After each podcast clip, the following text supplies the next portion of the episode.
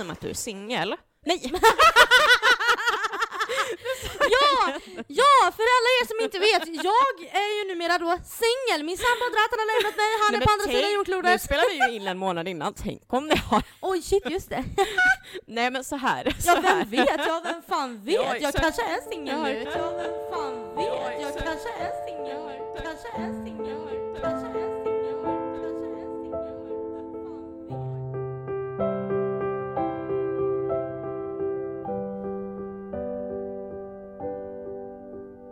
Ja, hej Louise. Hej Linnea. Det vi just lyssnade på hände ju som sagt. Eh, det avsnittet när vi skojade om det släpptes ju även när eh, i princip det hände.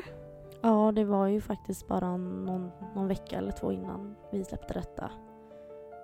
Det var Ja. typ samma dag. Var det det? Ja, det Det här släpptes den 16 maj och ni var i Polen den här veckan. 17 maj tog det slut. Dagen efter, ja. Precis på onsdagen. Är du, eh, känner du att du eh, vill berätta om det och att du är redo att göra det? Ja, det gör jag. Då säger jag att det är bara att börja när du är redo. Ja.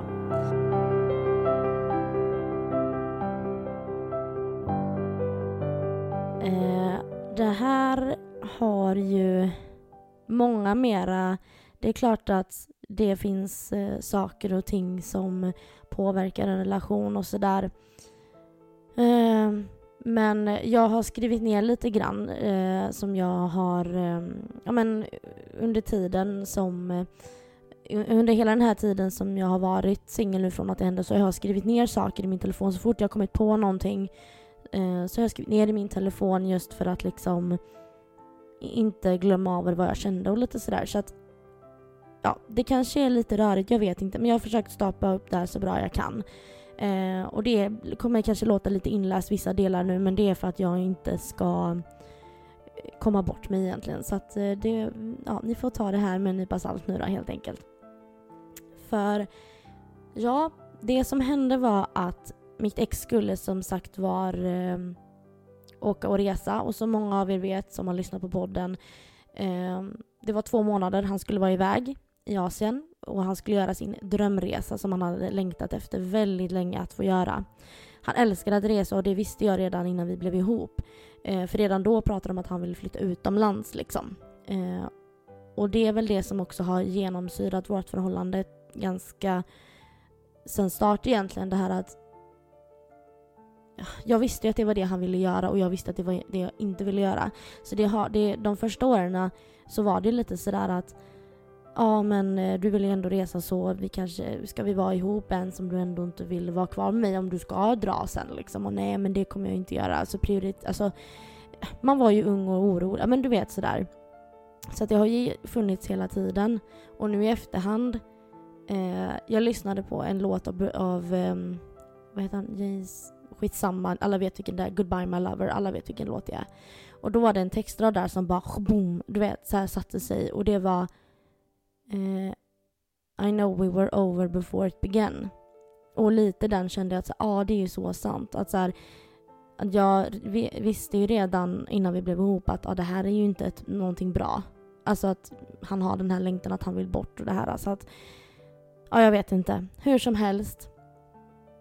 Eh, han åkte iväg och jag tänkte för mig själv att det skulle vara bra för oss att dels få ett bryt ifrån varandra. För de senaste två åren, ungefär då som vi flyttade in i huset, eh, så har det ju varit ganska inte idealt, eller så som jag hade velat ha det i ett förhållande och inte han heller tror jag. Eftersom att det blev eh, krav och det var liksom tidspress och inga stora saker utan vardagsgrejerna samt vad jag tror då också är konsekvenserna som blev efter hans olycka. Eh, för det blev ju både konsekvenser för honom såklart men också för mig som tog väldigt mycket på vår relation. Eh, så det har varit mycket jobbigt också. Inte liksom mellan oss utan omständigheter runt omkring. Liksom. Eh, så han åkte iväg och jag skulle bo själv för första gången i mitt liv. Eh, och det gick ju över förväntan. Eh, jag saknade ju inte honom eh, någonting nästan. Utan eh, eh, det var alla första veckan som var lite så här, jaha hur ska det här gå? Men sen gick det väldigt bra. Jag började ju träna och jag gjorde ditten och datten och mm, liksom, det, det gick bra. Så ja, han åkte iväg och det var inte så hemskt att vara själv helt enkelt. Men det var väl också för att jag visste att han skulle komma hem igen antar jag. Men som sagt var, jag mådde bra och eh, det var några kvällar där jag kunde ligga och tänka att är det så här det kommer vara om det tar slut mellan oss? Okej, okay, ja alltså jag klarar ju mig ändå. Jag löser ju detta liksom. Um, jag tror det var svårt så här i efterhand också för mig att acceptera att det är rätt beslut att göra slut. För man vill inget annat än att det ska funka. Och jag vågade väl inte kanske ta det beslutet för att jag ville att det skulle bli bättre. Men det hjälper inte hur mycket man än vill ibland. Så ja, nu ska vi se här. Nu kommer vi väl in på Polenresan då. För det som var, det var att jag och min familj, vi skulle åka till Polen en vecka. Och där skulle mitt ex möta upp oss och vara med oss den här veckan i Polen. Um, så på måndagen så kommer han och då har vi varit i Polen sen på lördagen så vi hade varit där två dagar och han skulle komma på måndagen. Eh, och han kommer dit och vi... Jag hade väl typ... Jag var lite nervös för jag visste typ inte riktigt själv vad jag kände tror jag. Jag hade väl en förväntan i mitt eget huvud om att så här, Gud vi ska vara så glada och se varandra och kasta oss i varandras armar liksom. Men eh, det blev väl inte riktigt, klart vi gjorde väl det men det var inte riktigt med den här uh, euforinkänslan som jag trodde att vi skulle ha kanske. Jag vet inte. Uh, och sen var han ju väldigt uh, trött såklart. Uh, vilket jag fattar, jag är inte dum i huvudet när man har rest så långt. Jag fattar att han var trött och jag förstod också att så här, han kom till ett pissregnigt Polen. Det regnade, det var grått. Det var ju inte som paradiset han hade varit i liksom. Eh, så han blev väl också, det var en omställning för honom med. Men det gick ju då hela måndagen, hela tisdagen och hela onsdagen eh, av att han var väldigt trött och han ville väl vara lite grann i fred kanske. Han gick ju och la sig på hotellrummet på kvällen och sådär för han orkar ju inte, vilket jag fattar återigen. Men jag kände att okej, okay, nu har halva veckan gått på onsdagskvällen där. och Då var jag lite så här: okej, okay, vi åker hem på lördag. Nu, nu, nu får du liksom bara keep it together. Nu får du liksom, då blev jag lite såhär, nu får du skärpa till dig. Alltså nu, nu, för vi måste liksom, nu får vi umgås lite och försöka ha lite roligt liksom. Nu, nu, nu får du liksom bara ta dig i kragen ungefär. Och då tog jag upp det med honom på kvällen där och då upplevde jag det som att han sparkade bakut och så blev det tjafs då. Um, och så säger han liksom ungefär att men jag orkar inte mer. Och jag bara, ah, vad är det du inte orkar? Du har varit borta åtta veckor på din jävla drömresa, vad är det du inte orkar? Och då säger han bara, ja ah, det här. Och då blir jag såhär, jaha vadå menar du oss då? Ja, tror det, säger han.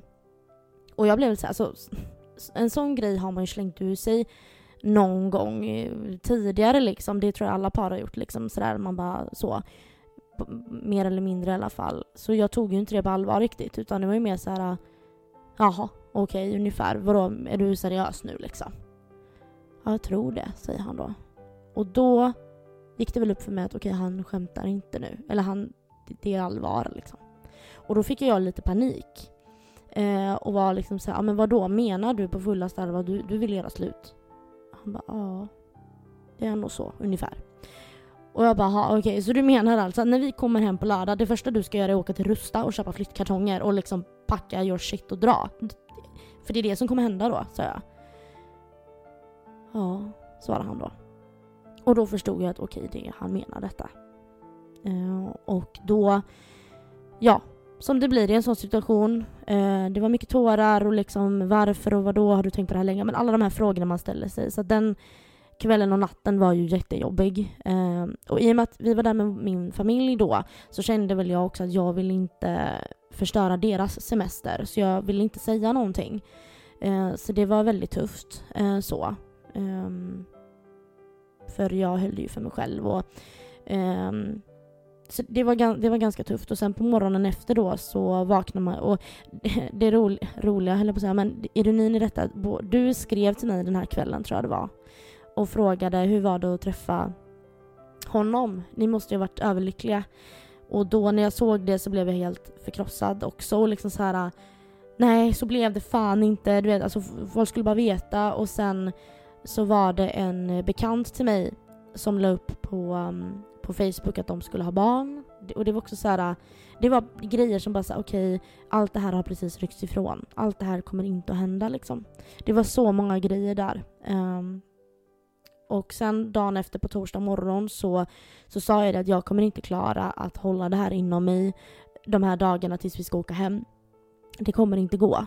Så nu får du ta, du har tagit det här beslutet nu, det, är ditt, det här är ditt ansvar. Du får berätta för mamma och dem liksom.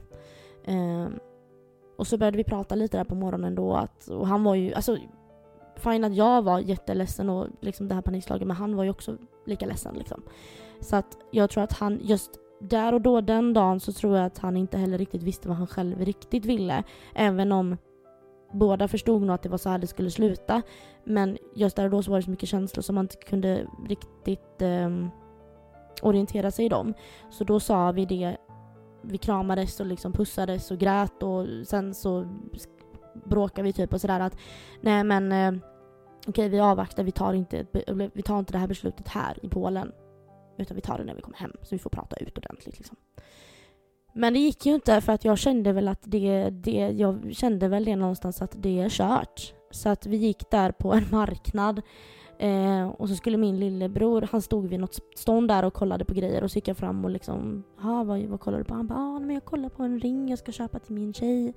Eh, och du vet, då kom det åter så här, ja. Ja, jag kommer ju fan, jag kommer inte få någon ring av min, du vet, äh, du vet alltså så här, ja det var, det var så mycket så här små grejer som, ja nej fy fan. Sen, så det här genomsyrade ju varenda dag, det var ju liksom gråta på kvällen, alltså det var jättejobbigt helt enkelt. Um, uh, och ena stunden så kunde vi kramas och nästa sekund så pratade vi inte med varandra för att liksom det, var, det var så mycket känslor. Och sen skulle vi åka hem då som sagt var på lördagen och då Eh, vi hade ju bokat olika flyg i och med att han inte åkte med oss dit. Så han skulle ju ta ett flyg senare än oss. Så jag skulle komma hem först. Eh, men vi mellanlandar då med vårat plan i Tyskland så har det planet blivit försenat och då har de ställt in planet till Sverige. Så vi satt där och väntade på om vi skulle få besked om vi skulle få åka hem eller inte. Och det fick vi inte. Så att vi blev kvar en natt i Frankfurt då. Där och eh, det här var ju skitjobbigt för allt jag ville var ju bara att få komma hem och liksom prata ut om allting och fråga. Alltså, vi hade ju inte fått liksom göra det ordentligt. Och där och då bestämde jag också för att jag, att jag berättade för mamma och dem att, vad det var som hade hänt och så. Eh, så. Och sen dagen efter då på söndagen så fick vi åka med ett tidigt plan hem så jag var väl hemma i Sverige typ runt tre tiden. Och det första jag gjorde var att liksom bara så, gå in, ta en dusch och sen så satte vi oss ner och pratade. Och då, då bröt ju helvetet ut liksom. Då kom ju alla känslor för att man hade ju fått hålla så mycket inne. Så då kom ju allt liksom. Och eh, som ni kan föreställa er, det var kramar och sen var det skrik, alltså som det blir liksom sådär.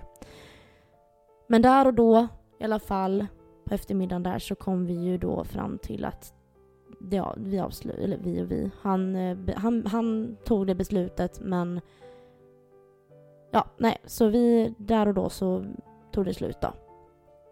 Eh, och eh, jag, jag hade ju inte träffat honom på åtta veckor då så att det blev ju så himla konstigt för mig också att säga okej, du skulle ju komma hem och allting och nu ska vi vara med varandra ett dygn och sen ska du försvinna igen och nu är det för gott. Alltså det, det var så himla konstigt liksom. Men eh, nej, så att eh, vi sov ihop två nätter där och sen så flyttade han ut liksom så. Eh, liksom. Och så började ju hela processen då med att, eh, ja men hur man skulle göra med allting och sånt där. Så att eh, jag bor ju kvar i huset med Anton och Anton är ju min så att det var ju inget snack om saken. Så jag bor kvar i huset och kommer kunna göra det och allting och, eh, och han flyttade hem till sin pappa då. Eh, och och eh, så gjorde vi så att han kunde ju inte ta med sig några möbler eller någonting så. Så att eh, vi bestämde att då köper jag ut han, eller hur man ska säga, eller liksom han får lite pengar då för möbler och sånt och så var det bra med den saken. Och i och med att jag har eh, två bilar då så behöver jag ju inte det längre liksom i och med att ja.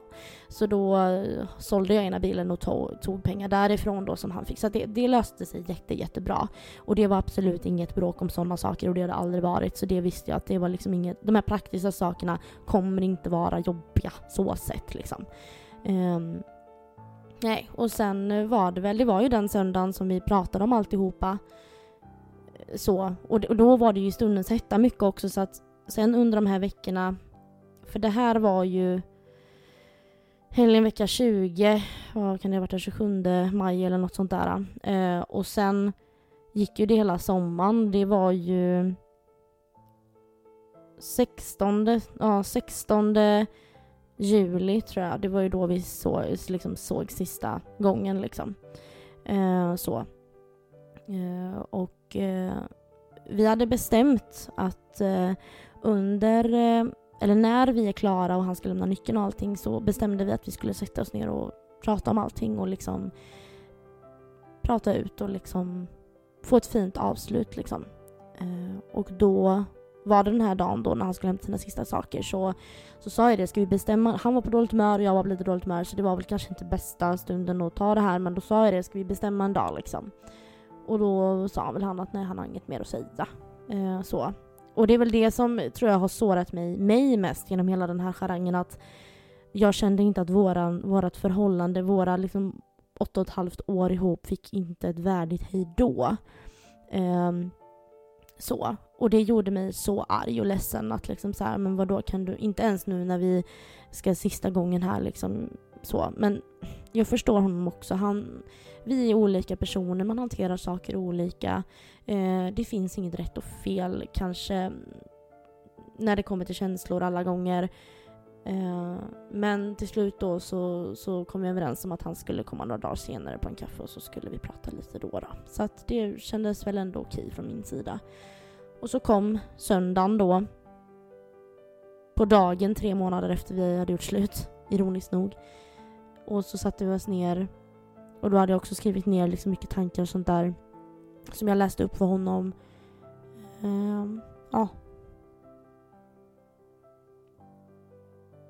Och han... Eh, det är så här, under vårt förhållande, han, han är ju liksom en musikkille och eh, jag hade ju tjatat på honom under hela vårt förhållande egentligen såhär, ah, men kan inte du skriva en kärlekslåt till mig? Så här, ah, men det är gulligt liksom så man vill att de ska göra. Sådär liksom, åh gud vad romantiskt.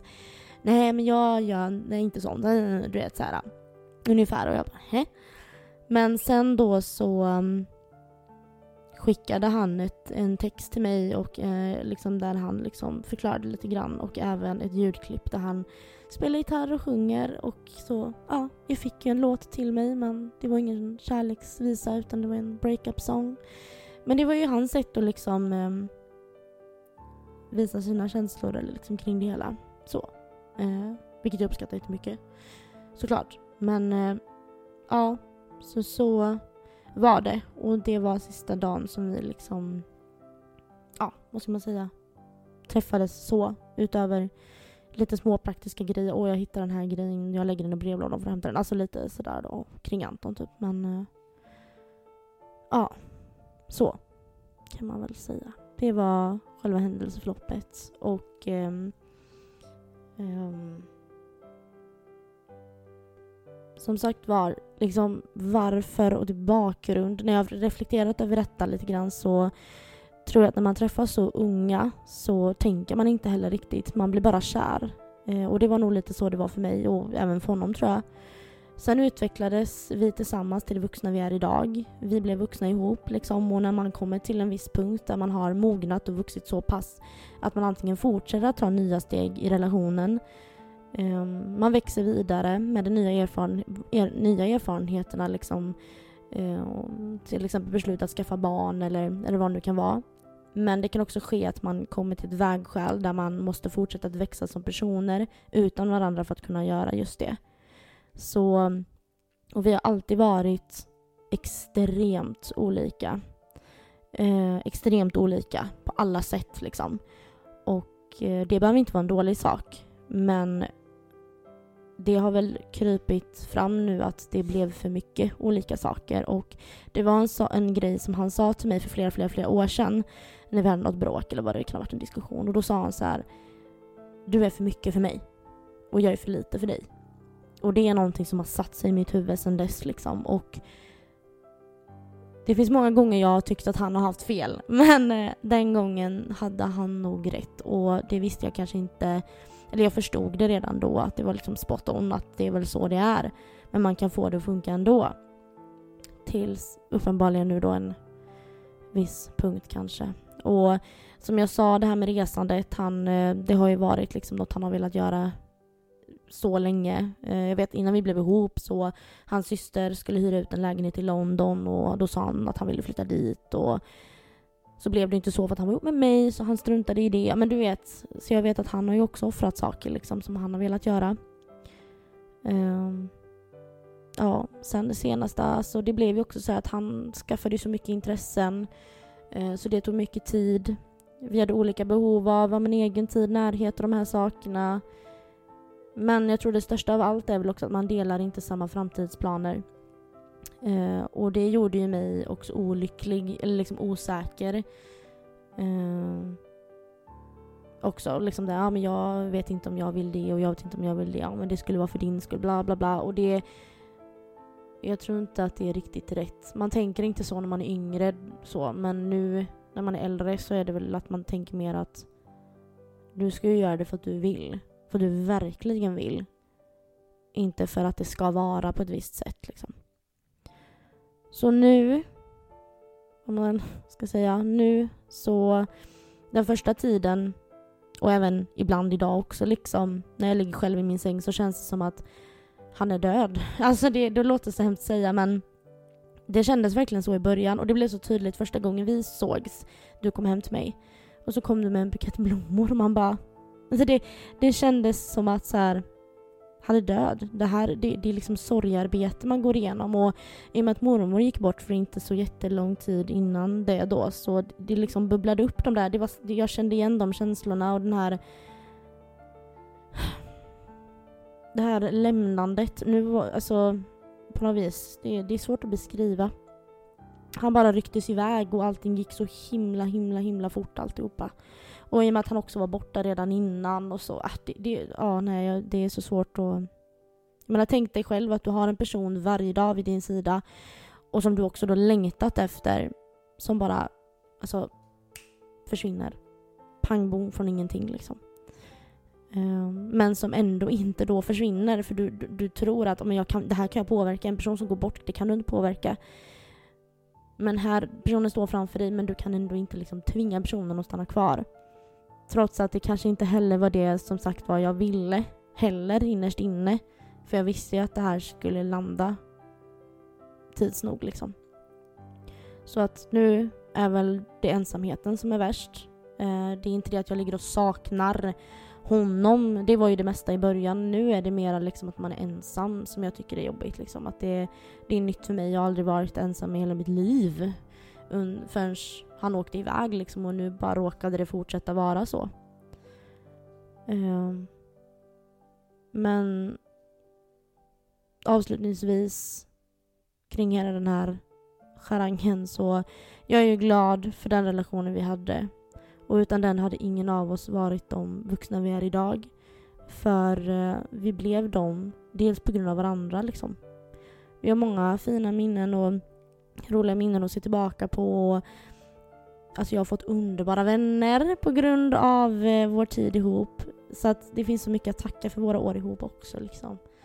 Um, ja. Det är tråkigt att det blev på det här viset men jag vet ju själv vad jag tänkte och kände vissa gånger senaste tiden att så vi hade ju hamnat här till slut ändå tror jag. Även om det var han som tog beslutet nu liksom. Så så är det. Mm. Åh oh, gud. Ja, oh, för fan. Alltså det är inte... det är egentligen inte typ så här jobbigt att prata om men det blir ändå liksom Alltså samtidigt som man blir Man blir ju ledsen men det är ju dels för att man säger Fan allt det där fina som man ändå hade, ja, nu, nu är det liksom historia och det var också den här känslan i början av att Now you're just somebody I used to know. Nu, det kändes som att vi blev, i samma sekund som det här beslutet togs där när vi kom hem, eller redan i Polen då, så kändes det som att nu är vi främlingar. Och det är en sån fruktansvärd känsla. Att någon man har känt och liksom anförtrott, han vet, han kan varenda centimeter av min kropp. Han vet precis allt, allt, allt, allt, allt. Och nu är man plötsligt bara främlingar liksom. Så att... Eh, men vi, vi, vi är vänner och jag... Eh, han kommer ju alltid ha en plats i mitt hjärta. alltså det är ju så. Eh, jag älskar honom men senaste tiden så tror jag inte att vi var så himla kära i varandra. Man kan älska någon ändå. Ja. Liksom. Så ja, det är klart att jag önskar honom all lycka och liksom sådär. Men eh, ja, det kommer behöva ta sin tid. det är så. Är klart.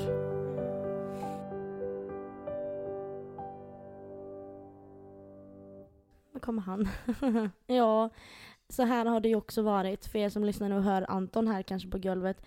Så här har det ju varit också hela tiden att så fort man har varit ledsen och sådär, då kommer han och ska upp i knät och vara med. Ja, det är ja, det har, han har verkligen eh, märkt av att det inte är som det, som det ska. Ja, hej lille vän. Hej gubben. Undrar om, eh, undrar om hundar känner av eh, typ lukten av tårar på något sätt? Eller, så, Säkert. eller typ så här, eh, känslan på något vis? Jag tror att de, de förstår mycket mer än vad vi tror. Det är okej. Du kan gå ner. Det går bra.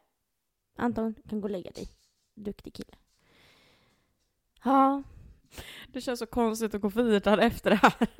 ja det gör ju det. Men hur var din reaktion? För att jag vet ju det att eh, du skrev ju till mig där då samma kväll som det hände och sen så svarade ju inte jag. Eh, varken dig eller vår andra kompis då som också så här men sen så vet jag att hon, den, vår andra kompis, hon skrev till mig och frågade hur är det egentligen? När det hade gått några dagar och då sa jag bara att det, det är lite rörigt just nu. Och hon bara, jag misstänkte det. Ehm, jag... Eh, alltså grejen var ju den att jag eh, började ju misstänka något redan på liksom, mm, ja men måndagen. Att vad fan, hon har inte, alltså ingen av dem har lagt upp någonting, inte, inte din mamma heller. För att jag tänkte ju någonstans att ja men åtminstone så kommer väl Louise mamma lägga upp en video typ när de springer och kramar om varandra, typ alltså en sån grej. Så att det var ju liksom redan där började jag ju fundera på att men någonting är det ju och varken du eller han la ju ut någonting på varandra. Alltså ni var inte med i någon av storiesarna och då börjar man ju bli så här, någonting är det ju. Sen då, en av, eh, min bästis skrev ju även till mig och bara, alltså har det hänt någonting?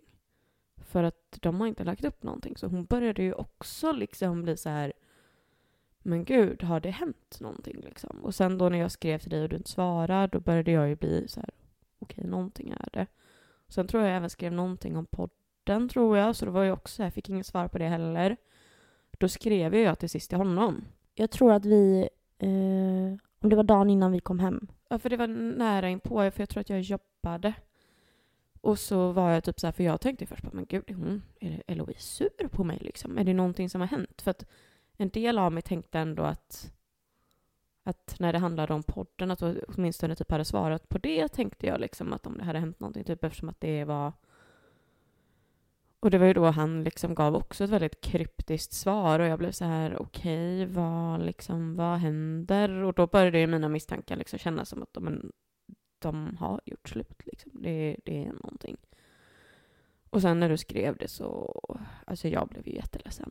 Alltså jätte, jätteledsen. Och jag minns att jag fick typ gå ut på någon promenad typ och sätta i musik för att tänka på annat liksom. För att det var typ som, ja, men man visste att nu kommer saker förändras. eh, Nu, alltså man tänkte ju såklart på dig. Jo, Och man tänkte ju på honom också. I och med att ni båda ändå är ens vän, även om vi är närmare så blev det ändå så här, man blev ju ändå Ja. ledsen för båda. För att, och liksom, men bara allt. Alltså man verkligen kände bara gud, allting har ju blivit annorlunda nu på bara några ord. Liksom.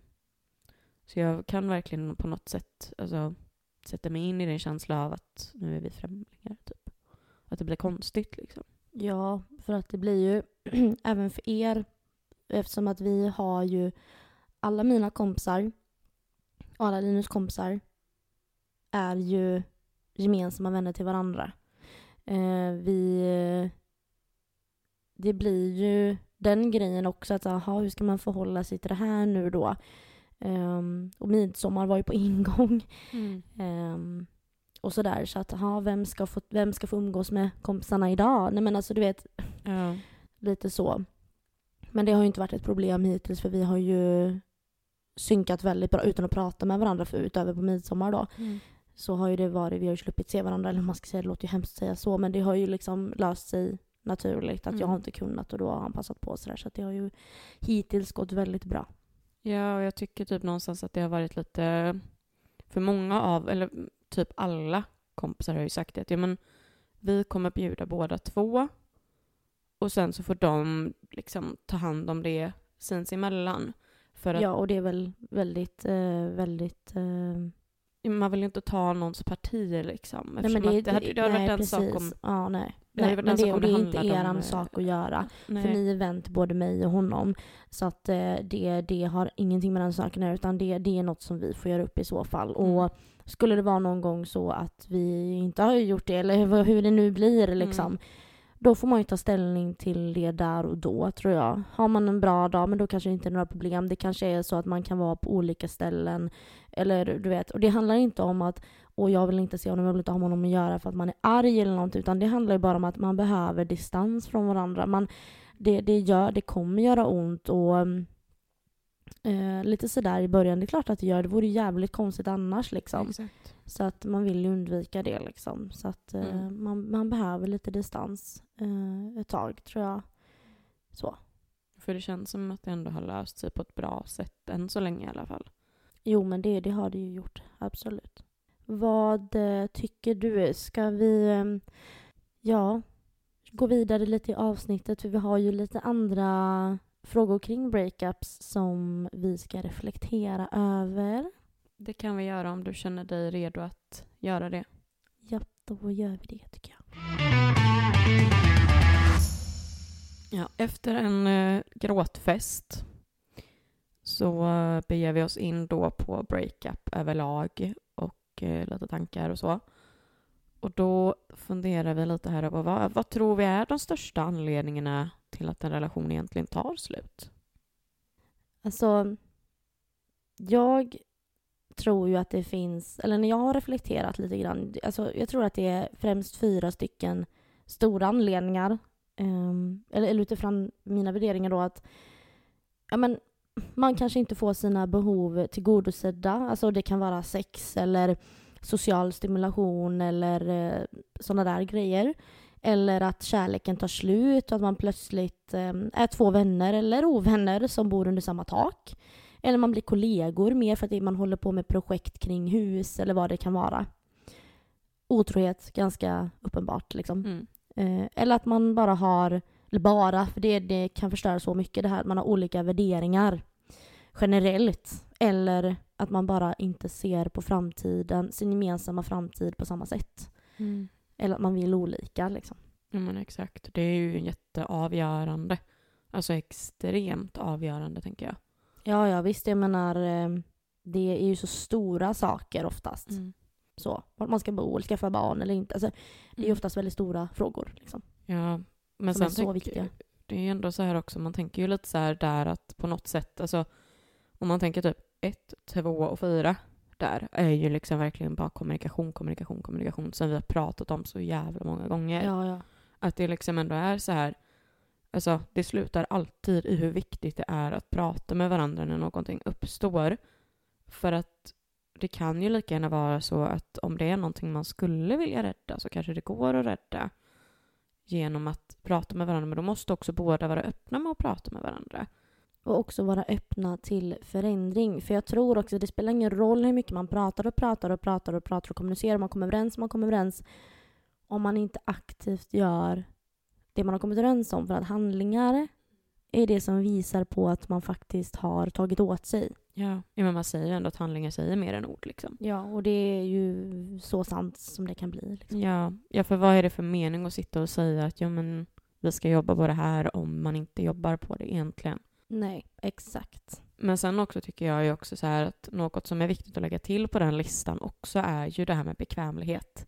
Att det är något som påverkar, alltså i alla fall längre relationer otroligt mycket och det behöver ju liksom, då snackar vi inte, kanske inte bara åtta år utan även kanske 15-20 år eller liksom när man kanske har barn tillsammans och allt sånt där att man alltså man blir bekväma och det är samma som att de, när man tar någon för givet att det blir liksom eh, alltså man glömmer bort att värna om kärleken. Och göra det där lilla extra romantiska eller bara en sån sak att man sitter inte och kissar med öppen dörr. Eller folk får göra som de vill men lite grann, man behåller lite grann en integritet Mm. som inte, alltså vad vet jag men Ja. ja, för jag har en kompis som är ganska noggrann med det. Och de är ju, alltså min uppfattning är ju att de fortfarande är hur kära i varandra som helst. Och de har ju varit tillsammans i lite över åtta år. Ja, något sånt tror jag. Så att det är ju verkligen liksom där en, eh, alltså som du säger, det kan nog göra ganska mycket mer än vad man tror. Sen såklart så appliceras inte det på alla. Men jag tror absolut att det är så.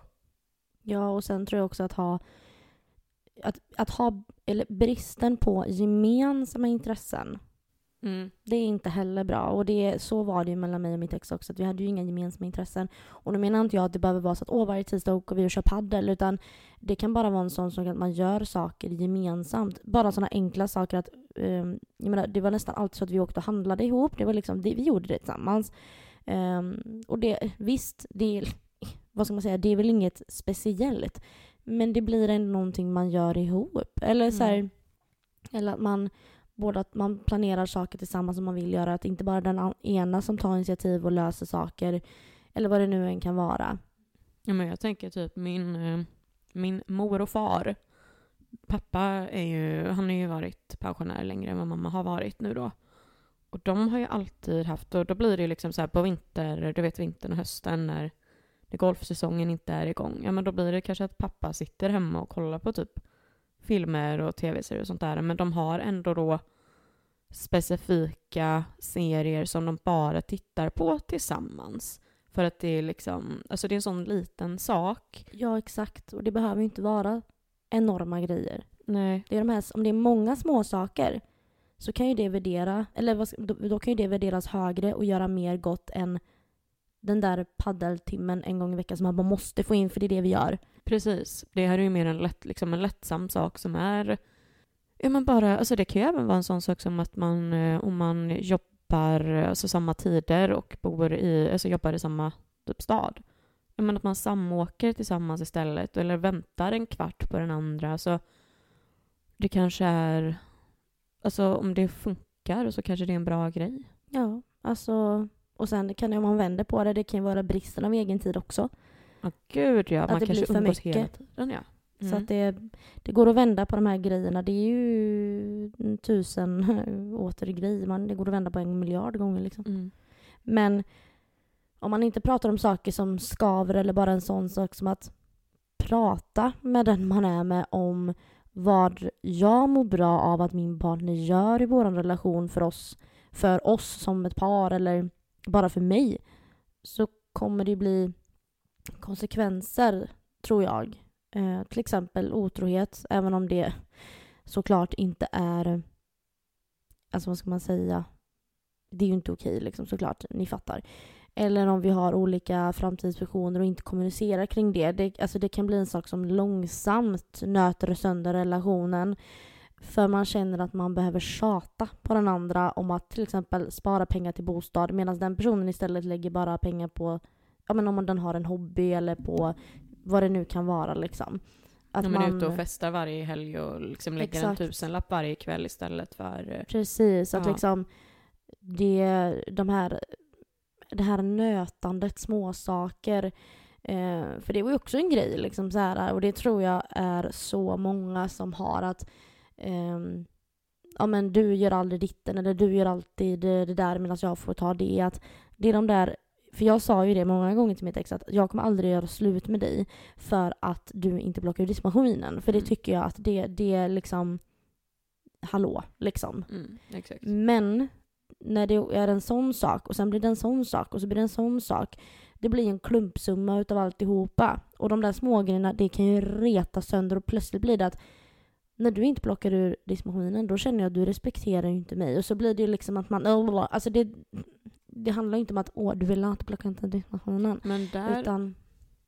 mm, för det där tar ju oss nästan in lite på nästa del. Mm, Det här med att komma fram till att ta beslutet att avsluta relationen. mm, För där kan jag snarare tycka, alltså att är det det att det hela tiden bråkas och tjafsas om sådana där saker, alltså verkligen konstant varje dag, då kan jag typ tycka att alltså då ska man ju sluta om det är bråk som inte är befogade. För ja. att då, då kommer man bara och tär på varandra, relationen blir toxic. Så jag kan nästan typ känna någonstans att är det en sån grej som man tjafsar och bråkar om hela tiden, då är det ju något mycket större bakom det. Och då kan jag nog nästan personligen tycka att då bör man lämna den relationen faktiskt. Ja, och det var väl det som jag sakta men säkert under de här två åren började inse. Ehm, så. Och själv för min egen del. Och, men man vill ju inte, man, man vill ju inte så här att åh, de här grejerna ska förstöra. Men samtidigt, det är ju ens vardag och det är ju det liksom livet man lever hela tiden. Och funkar inte det, eller man konstant är irriterad på den andra för det ena och det andra i hemmet. Alltså det är ju det som ska vara basic och funka, Exakt. kan man tycka. Sen kommer det alltid vara någonting som den andra är sämre på och den andra är bättre på. Det kommer ja, så är alltid det vara någon någonting. enstaka gång då och då, det är ju inte allt. Men det är just det här med, är det varje dag? Ja men är det konstant ett återkommande liksom? Det, nej, det är svårt att... Alltså generellt det här med att ta beslutet att göra slut och allt det här. Detta tycker jag är svårt om jag ska utifrån, gå ifrån alltså, det förhållandet vi hade. att Alltså jag älskade honom men jag, som jag sa innan, jag tror inte att jag kanske var så kär längre. Jag tyckte, jag tyckte om att ha honom där och att det var en trygghet och sådär men det fattades väl saker som vuxit fram med åldern tror jag som plötsligt blev viktiga nu men som inte spelade någon roll när man var 17 år och det räckte att man bara just blev kär.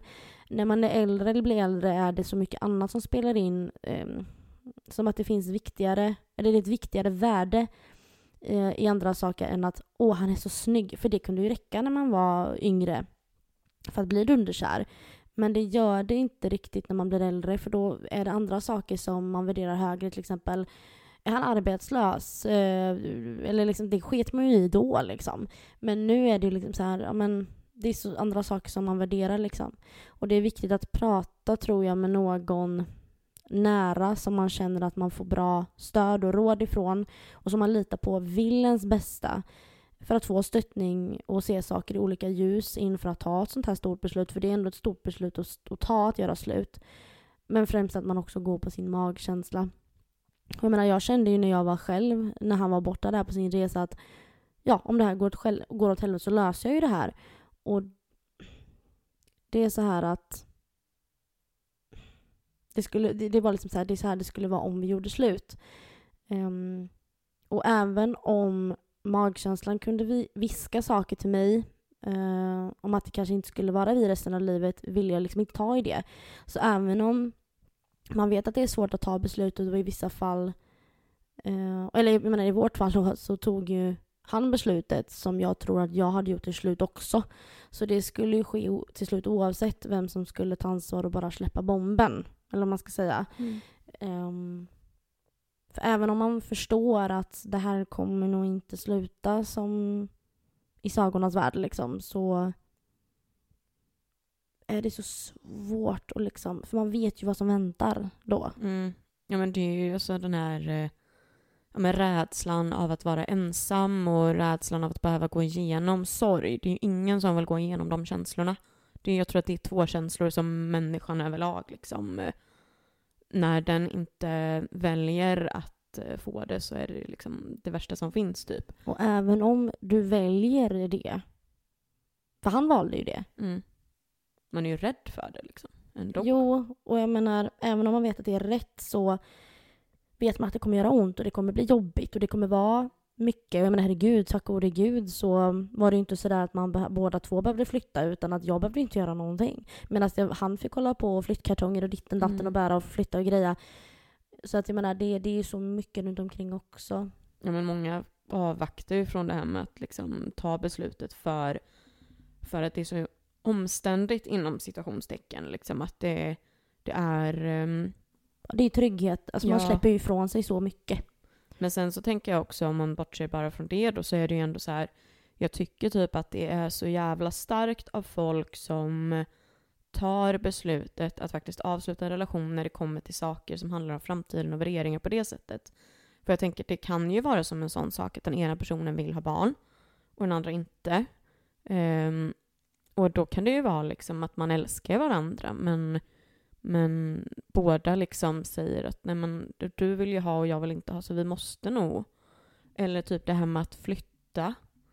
Alltså det är ju också en sån sak som är, alltså även ifall det är så jävla hemskt och man någonstans önskar att kärleken is enough så är det ju inte det för att man måste fortfarande någonstans känna att är det värt det i slutändan eller kommer jag må dåligt om jag inte gör det?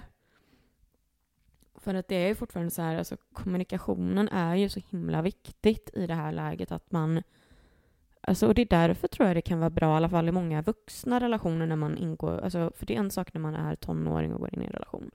Alltså i slutet av tonåren också, men när man kommer in i 25 plus, 30 plus, alltså då kan det nog vara ganska viktigt att ha den här kommunikationen med vad man, vad man kanske faktiskt vill inom en kommande framtid. Sen kan sånt alltid ändras. Men att det är ändå bra att prata om det för att då kanske man inte kommer behöva hamna i den situationen av att ta ett beslut att avsluta en relation på grund av sådana saker. Känslor kan alltid förändras, så är det. Men just alltså med de här praktiska bitarna, värderingar, alltså det, och det här också med kärleksspråk, alltså allting. Jag tror verkligen att det är så viktigt är att man pratar med varandra om de här sakerna i tid. Alltså jag tänker typ, typ för våran del nu då, Louise, alltså för din och min, när vi väl kommer gå in i någonting, när den dagen väl kommer liksom. Att det kan nog vara bra i början att gå igenom de här sakerna lite grann att vill du ha barn? Eller är du liksom på ett ungefär? Eller vill, kommer du vilja flytta till Stockholm? Eller liksom dittan och dattan och det här också, vad för typ av kärleksspråk? Alltså det måste vi Ja. prata om i något annat avsnitt, men det är också något som är väldigt avgörande. Ja, ja, och det, det, man, det man väldigt snabbt kommer fram till efter ett breakup, det är att man vet precis vad man inte vill ha. Exakt. Men det är nästan lite svårare att veta vad man... Så här, mm, ja, nej, det är... Ja. Bara det är en vetenskap. alltid- Alltså, Du säger ju alltid med alla kompisars liksom, eh, relationer som antingen går bra eller dåligt, liksom att jag vet ju så jävla mycket på grund av de här sakerna.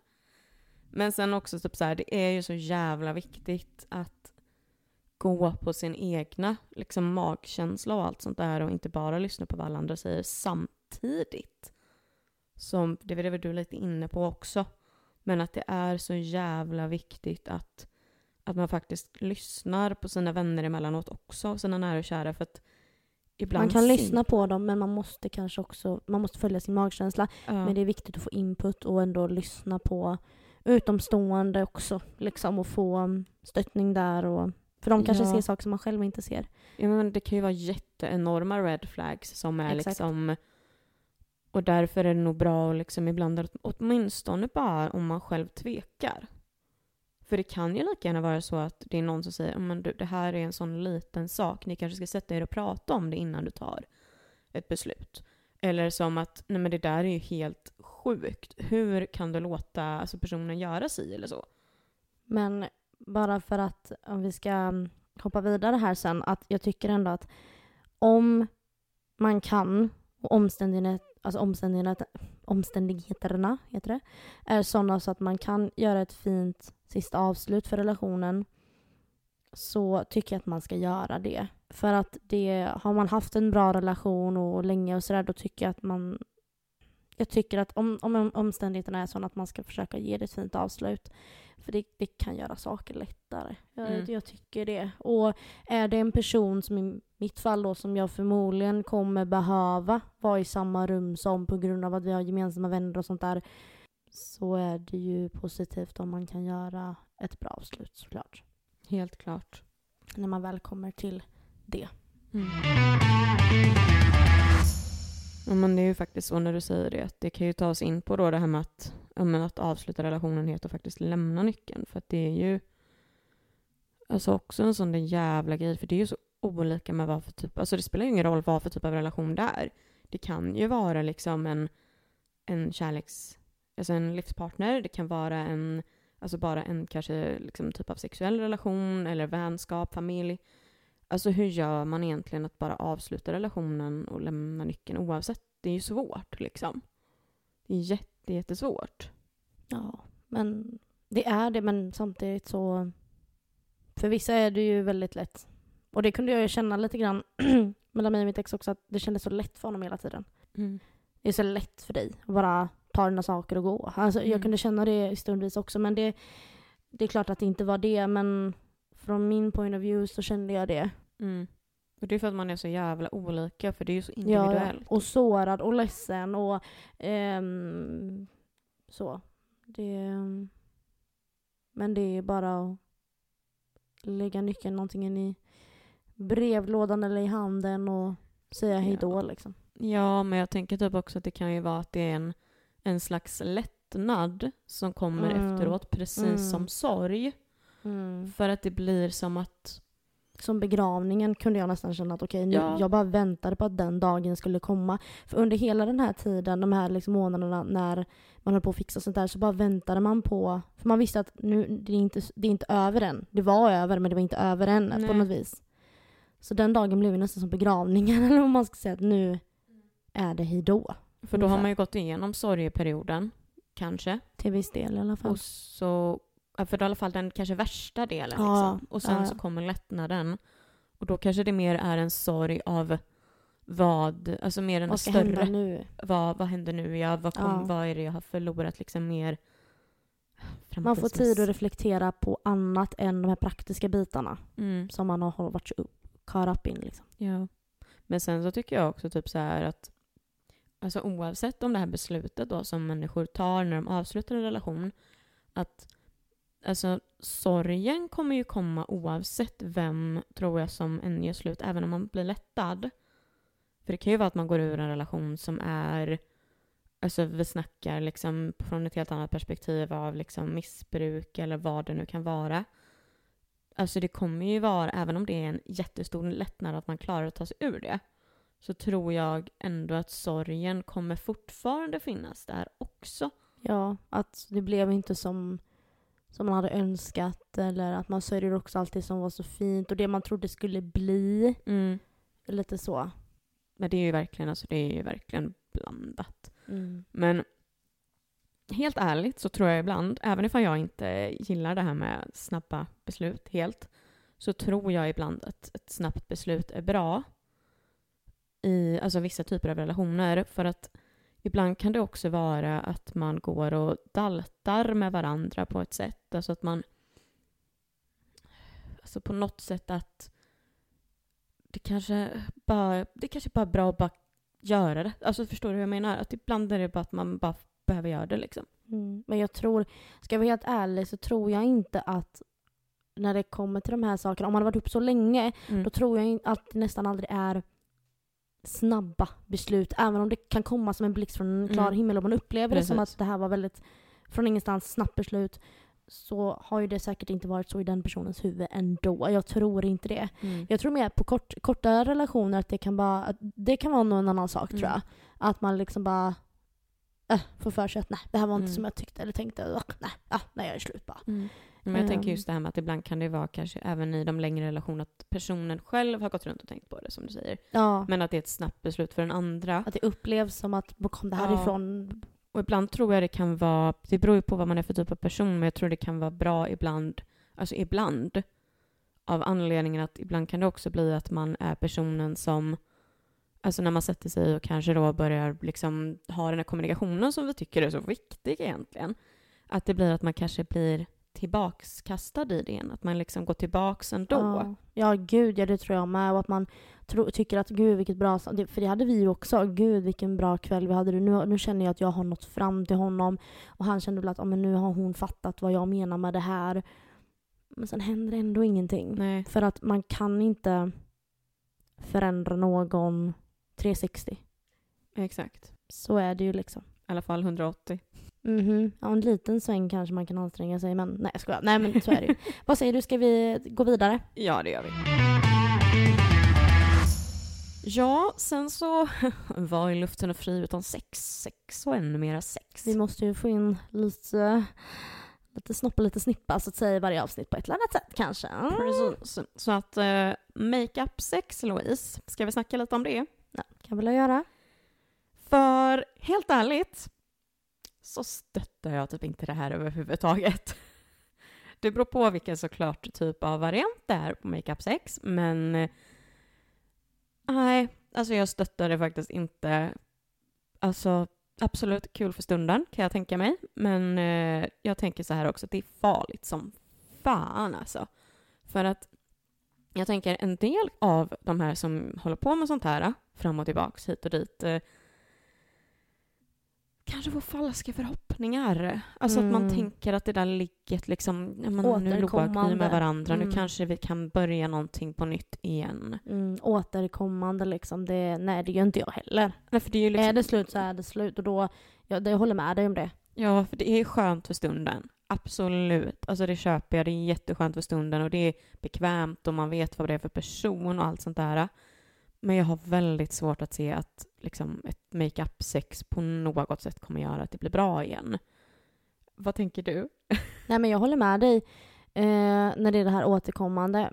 Men eh, så här var det ju faktiskt, om jag nu ska liksom vara sån, så var det ju något, för jag tror att det kan också vara ett typ av avslut också, kanske vad vet jag, eller för att det, det hände ju mellan oss också, det gjorde det. Men för min del var det ju mera kanske inte ur, en, ur ett bra perspektiv av anledningen att jag kände att det var mer så här, jag vill bara, jag vill bara liksom känna dig. Jag vill bara liksom, jag har inte, du vet, det var den här, fortfarande den här delen att vi hade inte sett på så länge och allt det här och, och nu skulle, och, och, alltså det var ju så mycket känslor och man var arg samtidigt och du vet, där och då så var det nästan så här att jag vill, jag, jag vill bara, jag vill bara ta i det, jag vill bara känna i det, jag vill liksom bara så här, det var ju inte, det var ju absolut, och jag vet jag sa det, jag bara så här, men kan vi bara skita i känslor, fuck det, bara, du vet, alltså det var, det var så, det var, ja, någon, någon liksom, jag vet inte, det var nästan som att man kände så här, jag vill bara att du ska, svårt att förklara, men typ jag vill bara att du ska liksom ta i mig och liksom det, var, det var inte liksom kärleksfullt på något Det vis. känns som att oftast liksom, att utan det var Ja. bara det någonting... rough. Vad sa du? Det känns som att det oftast är bara är rough typ. Ja men typ, det Rough. var bara liksom man, man fick nästan ut eh, lite aggression på det sättet. Det var inte så att vi ströp varandra på något vis. Eh, Det det där eller slogs, men du fattar vad jag menar. Det var liksom Ja. såhär, Ja, det man fick ut så mycket jättekonstigt eh, alltså, att förklara. Men eh, Men det är ju också så här, man får tänka också att makeup sex, det finns ju olika varianter på den. För att det kan ju vara, Mm. vissa har ju makeup sex när de bara haft ett bråk i ett förhållande. ja, ja. Det kan jag ju ändå stötta och köpa för Jo, det, Och det var typ lite så det typ var tror jag. Nu när du säger det, kanske var typ något sånt att Fast ju, inte renodlat såklart, men det, det kanske var en del i det och liksom sen efteråt, alltså jag menar vi var ju inte ovänner och det var liksom så här. Fast jag tänker jag typ vet att inte, ma- så svårt. Jag tänker ju dock att den andra typen av makeup sex som jag tänker på som jag inte stöttar, det är ju den när man har gjort slut och tänker att det ska liksom... Var en lösning typ. Och det, det, Ja. vet, det vet jag att han nämnde typ så här. eh, för jag var liksom mera så här, uh, men släpp allting bara. Och så, ja men det här kommer inte förändra någonting. Nej jag vet, håll käft. Alltså man var ju arg, du vet, jävla märkligt alltså. Men ja, Ja. det, det, ja, det är svårt det där. ja. Ska vi tänka lite på rebound istället då? Ja men vad, vad, Vad är det för något? Ja, vad är det för något? Ja men alltså helt ärligt så är ju det ligga med någon ny. Egentligen. Ja men precis. Ja, jo men exakt. Ja, för alltså rebound, det här liksom att... Men jag tror det finns olika typer också där, att liksom bara... För de som är bara snabbt bara, lite som min lärare sa till, till oss när vi gick i skolan. För jag vet att det var en tjej i vår klass som hade gjort slut med sin snubbe. Och vår lärare sa då, och det hon menade var ju en rebound, eller ett rebound, men det hon sa var då liksom att Vet ni vad tjejer? Det bästa sättet att komma över någon, det är att lägga sig under någon. Och det är väl exakt det som rebound är, Ja. egentligen. Det är ju typ det. Så. Och sen finns det ju de som bara bara behöver få det överstökat ganska snabbt inpå kontra de som kanske har återkommande, ersätter personen man har gått miste om, alltså så. Mm. Vad tänker du om det då? Ja, vad tänker jag om det? Ja, folk får göra som de vill. Eh, jag, jag, jag, tycker att det, det här långdragna att man ersätter någon, du kommer ju jämföra första snubben man liksom går in i någonting, dejtar med, du kommer ju jämföra, det, det, så är det ju bara, det är ju mänskligt. Men det här mm, att liksom lägga sig under någon för att komma över någon, ja men jag tror absolut att det kan vara någonting bra. För att känna att nu blir det verkligt, nu är jag med någon annan, jag får, får alltså det, att det blir en befrielse typ. Mm. För, eh, ja, lite så kanske det var för min del. Om man säger så. Mm. Ja. Och det tycker jag vi ska prata lite grann om i nästa avsnitt, sexsnack. ja, nästa sexsnack ja. Mm. Eventuellt ja. Mm. Mm. Så att, eh, vad tänker du då? Alltså jag stöttar ju rebound 6 till 100 procent. Alltså om man då känner sig redo.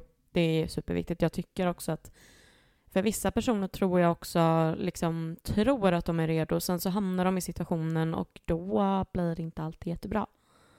För att det finns ju de fallen som man har hört om där det faktiskt uppstår tårar när det liksom väl är på väg att hända för att man blir så Alltså att det, man är inte redo liksom att eh, hoppa på en ny egentligen. Och det är därför jag tycker det är så bra också att folk, eh, alltså att många väntar ju ganska länge. Men jag tycker också det är bra när man känner sig redo att man hoppar på hästen direkt. För jag stöttar ju det som sagt jättemycket. För att jag, eh, alltså jag vet att det, jag bara känner att ibland kan det typ hjälpa en att eh, liksom släppa Men lite som en befrielse på Ja, något en vis. befrielse Mm. ja. Och för att det blir ju ändå så här som du, som du också sa, att det kommer ju säkert inte vara bra. Alltså oftast så är ju inte första rebound lika bra om man har varit i ett långt förhållande av anledningen att den andra personen vet ju till 100% hur det funkar medan den nya personen har ju aldrig... Sen finns det ju de som är alltså undantag såklart Ja, det som gör är ju bra. det. Men sen så är det också så här, för jag menar, jag kände ju, jag, jag kände mig som 14 år igen. Det kände, jag bara, hur gör man? Vad säger Ja. man? Eh, hur ska det här gå till? Det kändes som jag skulle förlora oskulden på nytt. Ja men det blir ju nästan som det om man ska vara helt sån. För att det Nej gud, jag har ju aldrig varit med om det liksom själv på det sättet i och med att jag Jag har ju aldrig haft ett förhållande då va? Att, men eh, alltså det är ju eh, Jag tycker också som sagt att det är superviktigt att man inte stressar in i det om man inte känner sig redo. Nej absolut inte, för då kan det nästan bli som ett självskadebeteende istället. Det kan ju, allting kan ju slå över och bli till någonting mindre hälso, eller hälsosamt liksom. Mm.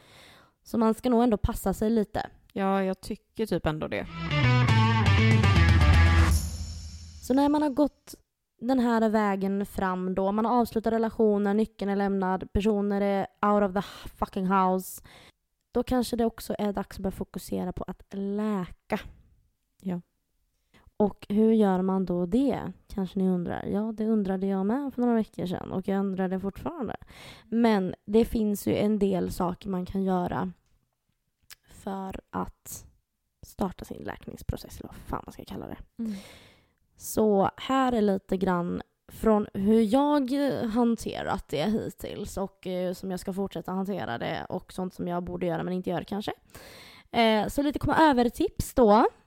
Nej men så här, det första jag gjorde det var att jag tog fram min dagbok och eh, skrev en lista på alla x, alltså saker som jag störde mig på hos eh, mitt ex. Allting som han gjorde som fick mig att må skit och som jag inte tyckte om i vår relation. En reminder för mig själv när jag träffar någon ny och att eh, i den här listan, du ska inte kompromissa. skriv det du tycker. Och det bästa är att göra det här tidigt när du fortfarande är sårad och ledsen för det är de äkta känslorna.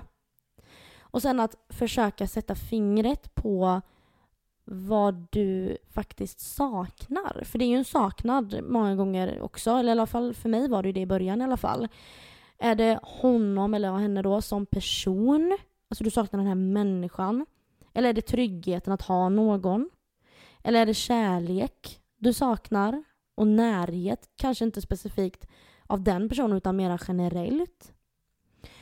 Um, och sen att umgås med de kompisarna som är bra för dig. Kanske inte kompisar då som påminner om honom. Oops.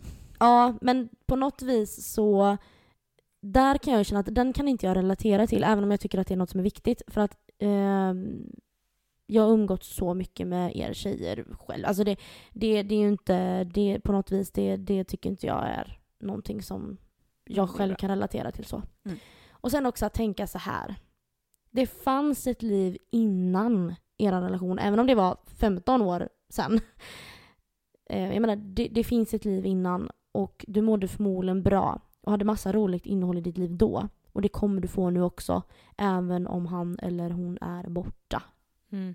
Ja, men det håller jag ju verkligen med om. Det har vi ju pratat om förr, det här med att ta tillbaka det som var ditt. Liksom. Exakt. För det är ju lite sånt här som vi... Vi pratade ju lite om det här, kommer jag på, i, i vår första gång Kärlek och Heartbreak, tror jag. Ja. Och det är ju faktiskt väldigt sant det du säger det här, liksom, att det fanns ju ett liv innan. Precis som att det kommer finnas ett liv efter. Ja. Och vad är det som säger att livet med partnern är bättre än livet utan partnern?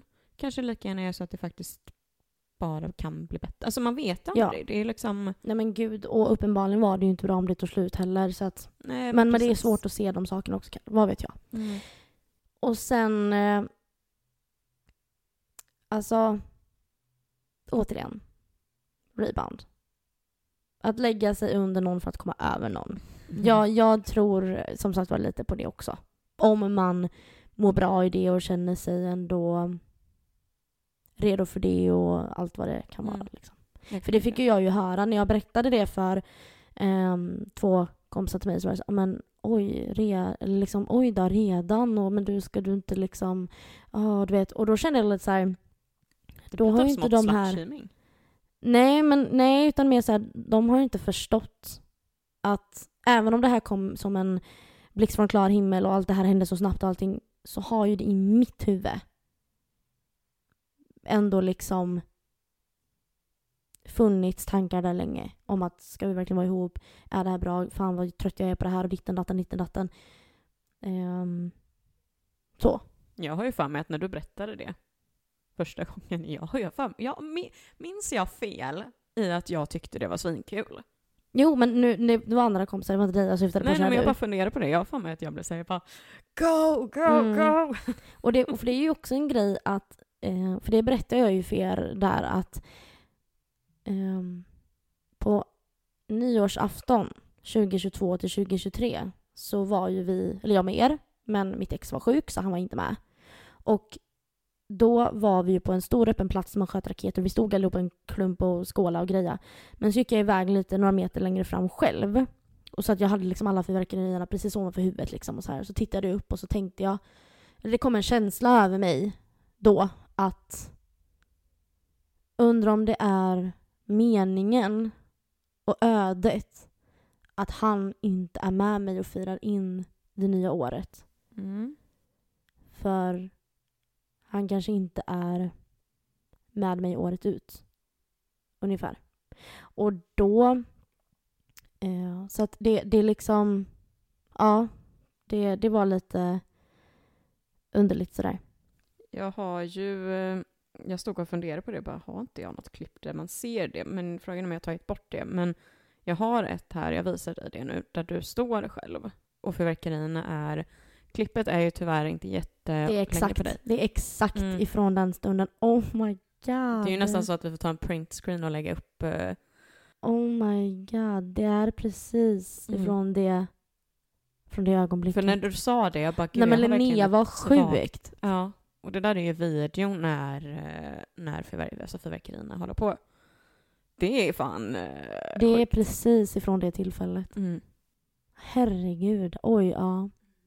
Ja, nej, så att vad det var, nu, nu vet jag inte ens varför jag tog upp det, men jo, men att det här, det här med rebound och det här, att Mm. det... Ja, nej, det... Vi sidetrackade. Ja, nej men skitsamma. Um, nej men gud, jag blev, lite, jag blev nästan lite chockad. Jag bara, men gud, Man får oj, lite rysning nästan. Ha? Man får nästan en liten rysning typ. Att Ja. det finns liksom ett, eh, Mm, ett, en bild liksom, eller ja, vad man ska säga, Mm. från det tillfället. Ja. Nej men, ja okej, om vi ska fortsätta där. Nu, läka efter skiten. Jo, Ja. eh, ja. Så här. Nummer ett. Men vad får jag säga Ja, men förlåt, men säg, förlåt, gud jag, nej men gud nu blev jag så här. nej men gud, nej förlåt nu ska jag hålla käften lite, varsågod. Det är verkligen jättekort, men jag vill säga, jag bara... Jag, jag, jag Förlåt, satt och jag, tänkte, jag bara, scrollade mm, lite för långt in i manus, jag ber om ursäkt. Ja, som sagt, för det där med att läka, ja. för alltså helt ärligt så skulle jag nog säga dock att mitt lilla tips, det här med liksom det som vi just mm, pratade om, är att jag tycker det är så jävla viktigt att låta sig själv sörja. För att det är då man så småningom kommer komma över personen. Det är då man läker, tror jag. Att låta sig själv vara ledsen. Man kan vara glad också, självklart. Man kan ligga runt lite och ha det gött alltså. Men låt stunderna när du är ledsen, låt dig själv vara ledsen. Stoppa inte undan och tryck inte undan. Nej, så ställ dig i duschen och gråt. Gråt med dina vänner, gråt med din familj. Alltså, gråt bara om det, liksom, om det känns bra. Gråt. Ibland så är det liksom skrik. Gå ut i skogen när du är helt själv och bara skrik ut känslorna. För att ibland så hjälper det så jävla. Ja, och det var precis de sakerna som jag fortfarande, men väldigt mycket i början eh, anammade. Just det här att, och det är först och främst att det kommer ta tid. Och det enda som läker sår är just tid, tid, tid, tid, tid.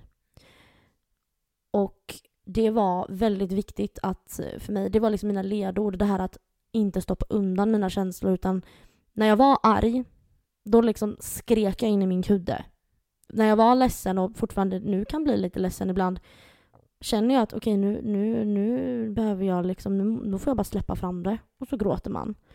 Eh, alltså vänta inte. Släpp bara ut det när det kommer för det är då, det, det, det är då du läker. Är du glad, var glad och njut av det.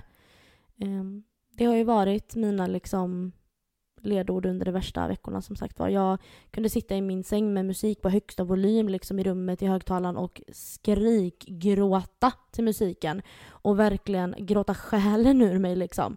Och till slut när man inte liksom orkar längre, eller det är precis som att man kommer till en punkt att nu då går det liksom lite över och istället eh, kommer man in i ett fuck you-stadie och eh, gick runt och liksom dansade i huset istället och sjöng mig kaxiga låtar och Ehm, och det var så roligt för att den första låten som var ett breakthrough för mig att vara liksom lite mera fuck you, det var låten av Gloria, Gloria Gaynor, eller Gaynor, jag vet inte hur man uttalar det. I will survive.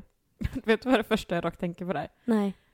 Är inte det den klassiska låten för alla brudar när de, eh, när de liksom går igenom ett breakup? För att det är typ den bästa breakup-låten typ. Mm, Jag vet inte, jag har aldrig reflekterat över det innan. Det har bara varit en pepplåt. Jag har inte så Asså? lyssnat jättemycket på texten så. Eh, Alltså, och lagt energi på det. Utan Ja. det var verkligen så här, den här låten var det första som kom till mig. At first I was afraid, I was petrified. Kept thinking I could never live without you by my side.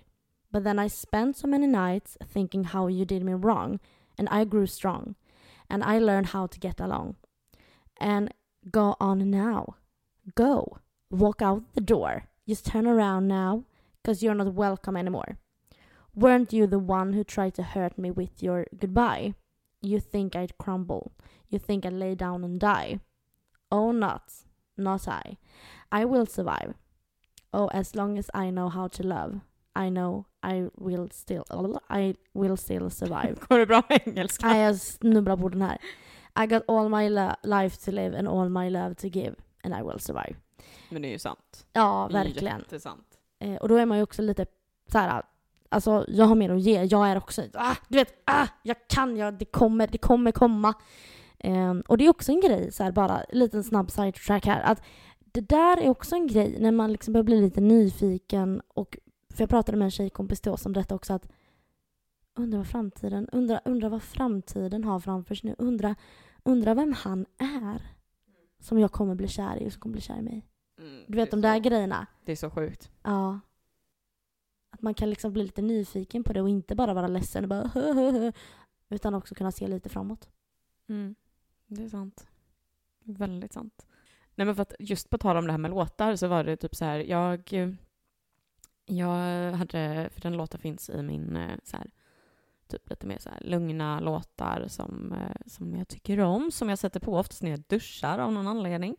Och då är det en låt där, eh, där texten, jag ska läsa upp refrängen och du kommer veta vilken låt det är, men jag vet du, varenda gång jag har lyssnat på den så har jag av någon anledning tänkt på dig. Va? Ja. Nämen! Jag var Och typ vad först- nyfiken blev du! Ja. Då ska jag läsa här på engelska. Ja, ly- lycka till. Eh, det är så svårt också när man ska läsa texter och inte få sjunga med. För jag tänker inte sjunga med. Så då är det When you want it the most, there's no easy way out. When you're ready to go and your heart's left in doubt. Don't give up on your faith, love comes to those who believe it and that's the way it is. Den är ju en sån som jag tycker verkligen så här, det är så sant. Och jag tror typ så här någonstans att det kommer, du, du tror ju fortfarande på det. Så bara ge inte upp liksom. Mm. Ja, gud, alltså det... Gud, så mycket jag lyssnar på Céline Dion också och gråter. All by myself. Nej, men alltså, ja. Det, just det här med musik är ju så helande. Mm. Och det som också är lite sjukt, eh, det, det var att eh, under perioden som han var bortrest så lyssnade jag på en låt av eh, Harry Styles, Sign of the Times. Och en låt av Benjamin Ingrosso, I'll be fine, so- I, I will be fine, fine. I will be fine somehow. Så heter den. Ja, skitsamma. Um, och de här låtarna har liksom varit uh, Falling of Harry Styles. De har varit mina breakup-låtar nu i efterhand. Sign of the Times har varit liksom som att han sjunger det till mig. Alltså, Stop your crying, Ja. it's the sign of the time. it will be okay liksom så här. Du, kom igen nu liksom också. Eh, det, jag vet inte. Ehm, musik är så helande på så många vis. Alltså det är otroligt. Det är otroligt. Och när vi satt, det var också en eh, grej när vi var i Polen. Så jävla filmiskt och hemskt. Eh, men då satt vi, vi skulle åka till Auschwitz och se på det där. Och då satt vi bredvid varandra i bussen och eh, så hade han sina hörlurar med sig så vi delade hörlurar. Och det här var ju efter att vi hade liksom, ja, det hade hänt då. Så lyssnade han på och så sa jag, får jag önska några låtar så spelade vi lite varannan gång då. Och då vet jag att då, då satte jag på liksom, det var ju liksom våran låt och det var Um, Ja men det var, det var de här grejerna liksom att så här, eh, usch, kanske låter manipulativt, inte vet jag, men det var liksom så här, um, jag vet inte, det var precis som att så här, jag kunde inte säga de här sakerna till honom för att vi kunde inte prata om det och så var det precis som att det fick gå igenom musiken. Um, även den här eh, Queens uh, låt, um, vad är den heter? Uh, men gud. Um, nej men gud, vad heter den? Somebody to love. Nej, nej, nej, nej. nej. Eh, men snälla någon. Du som är Eh, världens största Love of Queen-fan. my life. Love of my life. Mm. Okej. You hurt me, you broken my heart now you leave me. Alltså du vet så här. Ja, det är så talande vissa låtar. Och vissa som man bara känner är så Mm. spot on liksom. Ja men gud ja, alltså det är ju, och det är typ så här, ja, det är så jävla många låtar som man bara känner typ så här att den här låten, den får en Den är till liksom, mig. Det här Ja. är mig de pratar om liksom. Ja men exakt, för det är, det är en specifik låt som jag tycker är Nej men det finns, det är specifikt egentligen två låtar för de heter lite liknande. Och det är ju I will learn to love again. Eh, och I will love again. Alltså de två låtarna. Mm. De är väldigt så här, man står och bara liksom, mm, vad det känns. Alltså det är, de är liksom, det är inte det att de är ledsna egentligen. Men man blir så här, Det är powerful typ. ja det, kom, och det kommer bli bra, typ. Alltså så Mm. tror jag. Man, Men det var man behöver samma- hitta låtar där man får känna den här, det kommer bli Mm. bra igen. Och det var samma med Taylor Swift låt eh, 22. eh, och då, var det en, då är det en textrad där som är liksom It's miserable and magical. Alltså det här liksom nu It's efter breakupet så här, ja, vissa stunder så är det miserable och man bara öh och nästa sekund så bara It's magical för att man liksom ser saker som kommer komma och det händer ändå positiva saker ändå. Alltså, ja gud. Ja, jag vet att när du nämnde den låten för mig, alltså grejen är jag... jag, Du blir ju skadad för att du är ett fan av henne typ. nej, men grejen är att jag älskar ju typ alla låtar förutom den. Jag tycker ju typ att det är den värsta låten som har gjorts. Mm, Men nu var just den textraden Men väldigt eh, mm, Mm. relaterbar. Bryggan i den låten är ju bra. Ja. Så att jag förstår dig. Den, den, är, den är... Ja, men skitsamma. Ska vi gå över till dina tips Ja. till vänner? ja, jag vill avsluta detta för ni blir ju inblandade i den här skiten vare sig ni vill Ja. eller inte. Och jag läste de här och kände mest att varför sa hon ingenting? Nej men det kommer man ju på i efterhand. Men jag, ja, jag har faktiskt till en av dem. Ska vi köra en jingel och så tar vi dem? Vad säger du? Ah, Okej. Okej. Mm. Ja, dina tips nu då? Jag vet ju i alla fall att det är en av dem som jag vill eh, säga lite till efteråt. Ja, men det är jättebra. Dina reaktioner, för det är du som är kompisen här nu. Mm. Ja. Här är mina fyra tips till kompisar. Då. 1. Fråga om hon eller han vill följa med på saker. Man kan känna sig väldigt ensam. I alla fall gjorde jag det. Så hör av dig och visa att om du vill vara med, för vi ska göra det här eller det här, så häng med. Det hoppas jag att jag gjort det. Jo, men alltså det var ju ingen skillnad. Jag, jag kunde känna att så här, det eh, blev väldigt, inte avståndstagande så, utan man lät lite grann vara i fred. Och, jag tror, och det var bra. Mm. Jag behövde det. Mm. Det här är tips generellt nu, Mm. förstår du. Två. Fråga inte för mycket om hur man känner kring sitt ex.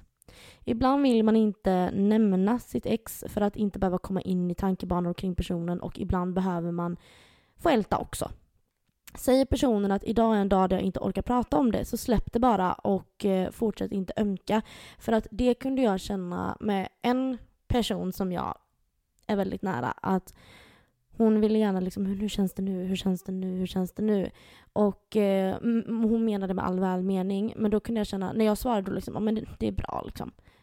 Då kunde hon liksom titta på mig och bara, eller lyfta på ögonbrynen och bara, Louise, är det verkligen bra? Och jag bara, men just idag så, ja just idag är det bra. Ja men eh, du får tänka nu på att liksom, du får vara försiktig och liksom så. Så att, och då blev det liksom ömkande och då kunde jag liksom säga, men så nu släpper vi det bara. För just, då, just nu är det bra. Mm. Och sen nästa dag så kunde man liksom må skit. Mm. Så att det...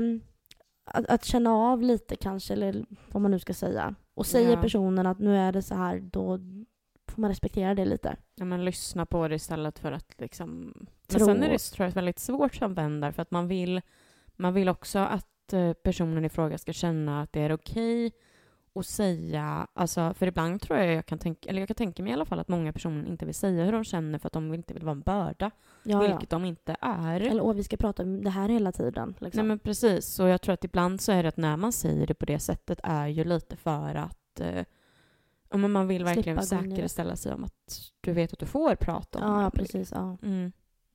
Tre. Och nu skrattar du, så det är väl den här då. Har man gemensamma vänner så behöver man kanske inte ta en bild där exet syns eller filma rakt upp i ansiktet på henne första veckorna av lite respekt eh, till den av parterna som inte är med. Eh, man har avföljt sitt ex och man vill inte se honom eller henne. Men då lägger kompisarna upp istället. Tänk på det första månaden som en fin gest om man har gemensamma vänner som båda umgås med. Ja. Give me your... eh, Ja. vad med, du skrattar, tell jag me. skrattar för att jag förstår exakt vad du menar. och jag frågade dig Ja, den här frågan. Om du ville att jag skulle göra så att du inte kunde se mina stories de dagarna, eller så de tillfällena när han var med. Och du sa faktiskt nej, det är lugnt. du. Mm. Så därför blir jag så här. Och det var, jag trodde att det var det då. Ja. Jag trodde att det var det då. Du skulle ha sagt någonting. Ja men grejen att då, där och då så tänkte, så på riktigt kände jag att så här, nej men det, det är lugnt liksom. ja. Men jag, nu känner jag ju de senaste två veckorna så har det liksom ehm, ändrats. Mm. För nu har jag mer liksom så här, nu när det är avslutat, för det var ju inte avslutat då. Mm. Vi var ju mitt uppe i hela processen av att snart kommer vi till begravningen och lämnar nyckeln. Vi var mitt uppe i det. Mm. Så att då var han ju ändå aktiv i mitt liv ändå. Men Mm. nu när begravningen är över, Mm. nyckeln ligger i mitt nyckelskåp. Så, så har det blivit mer att nu vill jag inte se honom, jag vill inte ha med honom att göra. Jag, jag, jag vill liksom, nu vill jag fokusera framåt och liksom få distans ifrån det här. Och I och med att vi har gemensamma eller grupper på Messenger och där vi skriver liksom, händer det något kul i helgen, ska vi hitta på någonting. Och där har det liksom kommit upp då, då har han svarat och varit aktiv där och då känner jag att jag orkar inte få upp hans nylle ofrivilligt varenda jävla kväll. Nej men du vet så här. nej. Så då skrev jag till alla er i vår eh, kompisgrupp att ehm, jag kommer gå ur gruppen för nu för att jag känner att jag behöver distans ifrån honom och jag vill välja själv. Ehm, eller välja själv, men jag, jag, liksom, jag vill inte ehm, hela tiden få upp det här i ansiktet liksom för att jag behöver distansen nu. Mm. Ehm, och det var inget konstigt med det utan så här, så. Ehm, men just som sagt var, just där och då så trodde jag att det inte skulle vara så jobbigt liksom. Mm. För att man var ändå uppe i det. Men nu i efterhand så känner jag så här, ah, nej orkar inte, du vet. Så med andra ord, så nu är fortsättningen och när han eventuellt är med och det blir att man lägger upp någonting så ska man dölja det från story just då. Ja men jag, ja.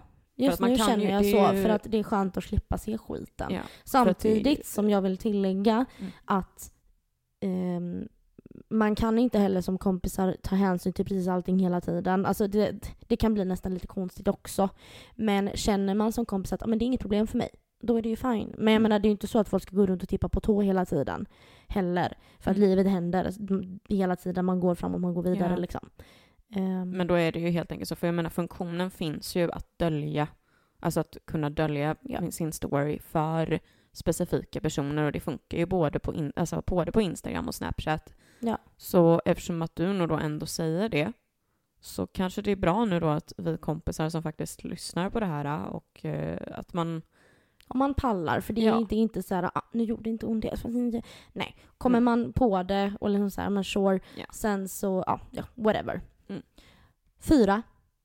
Och det här var ju då i det kritiska läget och det vet jag, det var det bland det första jag sa till både dig och ehm, en annan kompis till oss då. Låt mig nu få snacka skit om honom när jag behöver det. Även om ni också är vänner. Just där och då i början då behöver man få ur sig och gnälla om allt som var dåligt kring den här personen. Vilken jävla idiot det är, hur fan kan han göra så, jag har inga känslor. Och det gör man ju med sina närmsta vänner. Och nu råkade ju ni då även vara vänner med honom. så att, ups. Så att låt mig då bara få vara en jävla fitta.